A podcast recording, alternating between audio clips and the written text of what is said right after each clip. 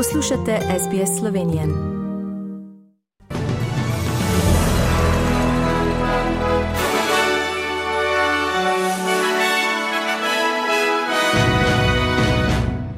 Opozorilo zaradi manjkajočega radioaktivnega materijala v Zahodnji Avstraliji, v streljanju v Jeruzalemu več smrtnih žrtev. EU pripravlja vzpostavitev mednarodnega toživstva za zločine v Ukrajini. Svet se je spominjal žrtev holokausta. Sprejet interventni zakon za zagotovitev večje letalske povezljivosti.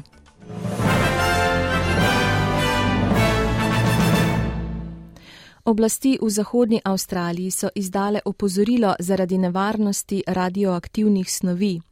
Opozorilo zajema dele metropolitanskih regij Pibara, Midwest, Goldfields, Midlands in Perth. Izginila je kapsula z radioaktivnim materialom manjša od kovanca za 10 centov. Namreč v eni uri ta kapsula odda enako količino sevanja kot 10 rentgenskih žarkov. Kapsula je izginila, ko so jo s tovornjakom prevažali iz rudarskega mesta blizu Newmana v Perth. Voznike, ki so od 10. januarja dalje potovali po veliki severni avtocesti, pozivajo naj preverijo, ali so v pneumatikah peleti. Glavni zdravstveni delavec Zahodne Avstralije, dr. Andrew Robertson, pravi, da morajo biti ljudje zelo previdni.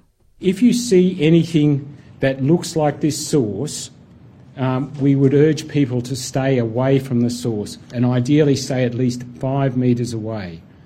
Um, do not touch this item if, if you believe it is the source. Don't put it in a bag, don't put it in your car.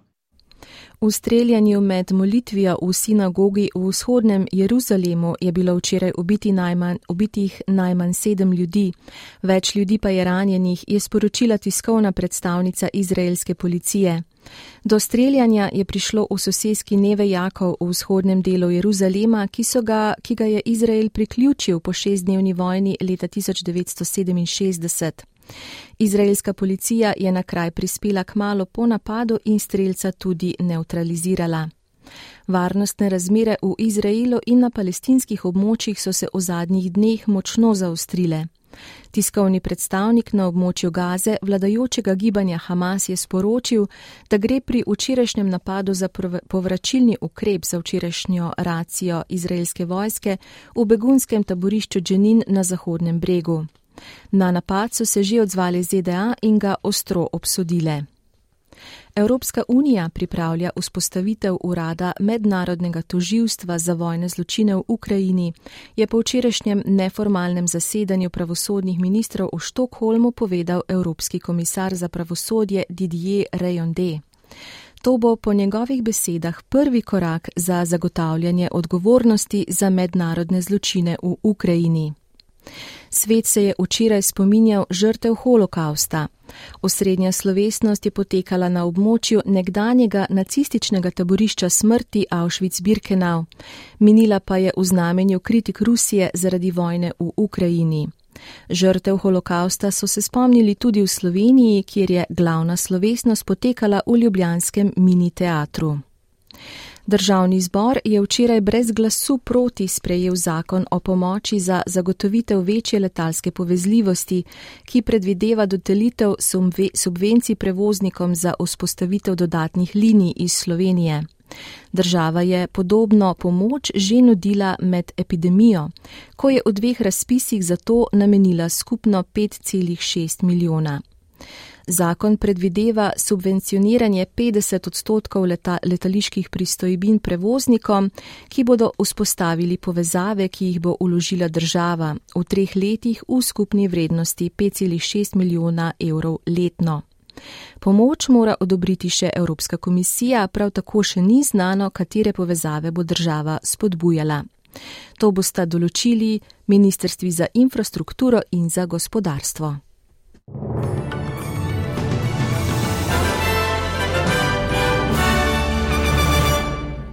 Poglejmo še menjalni tečaj, šport in vreme.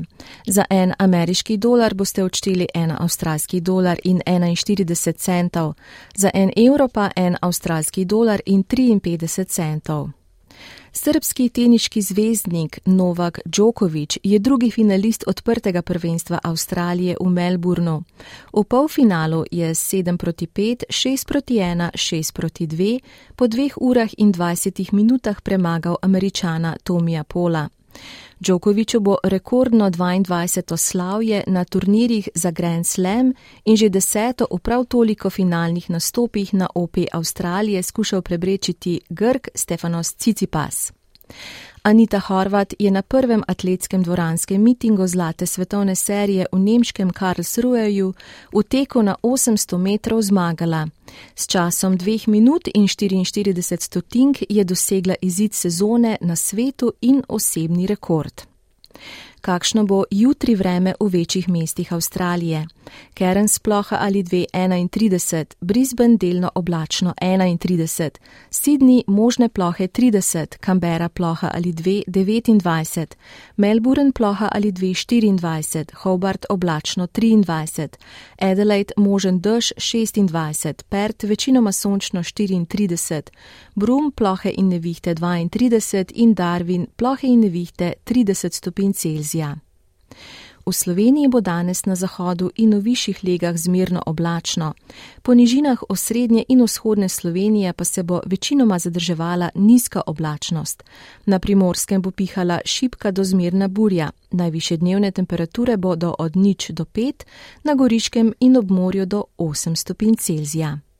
Slišali ste novice medijskih hiš SBS in STA.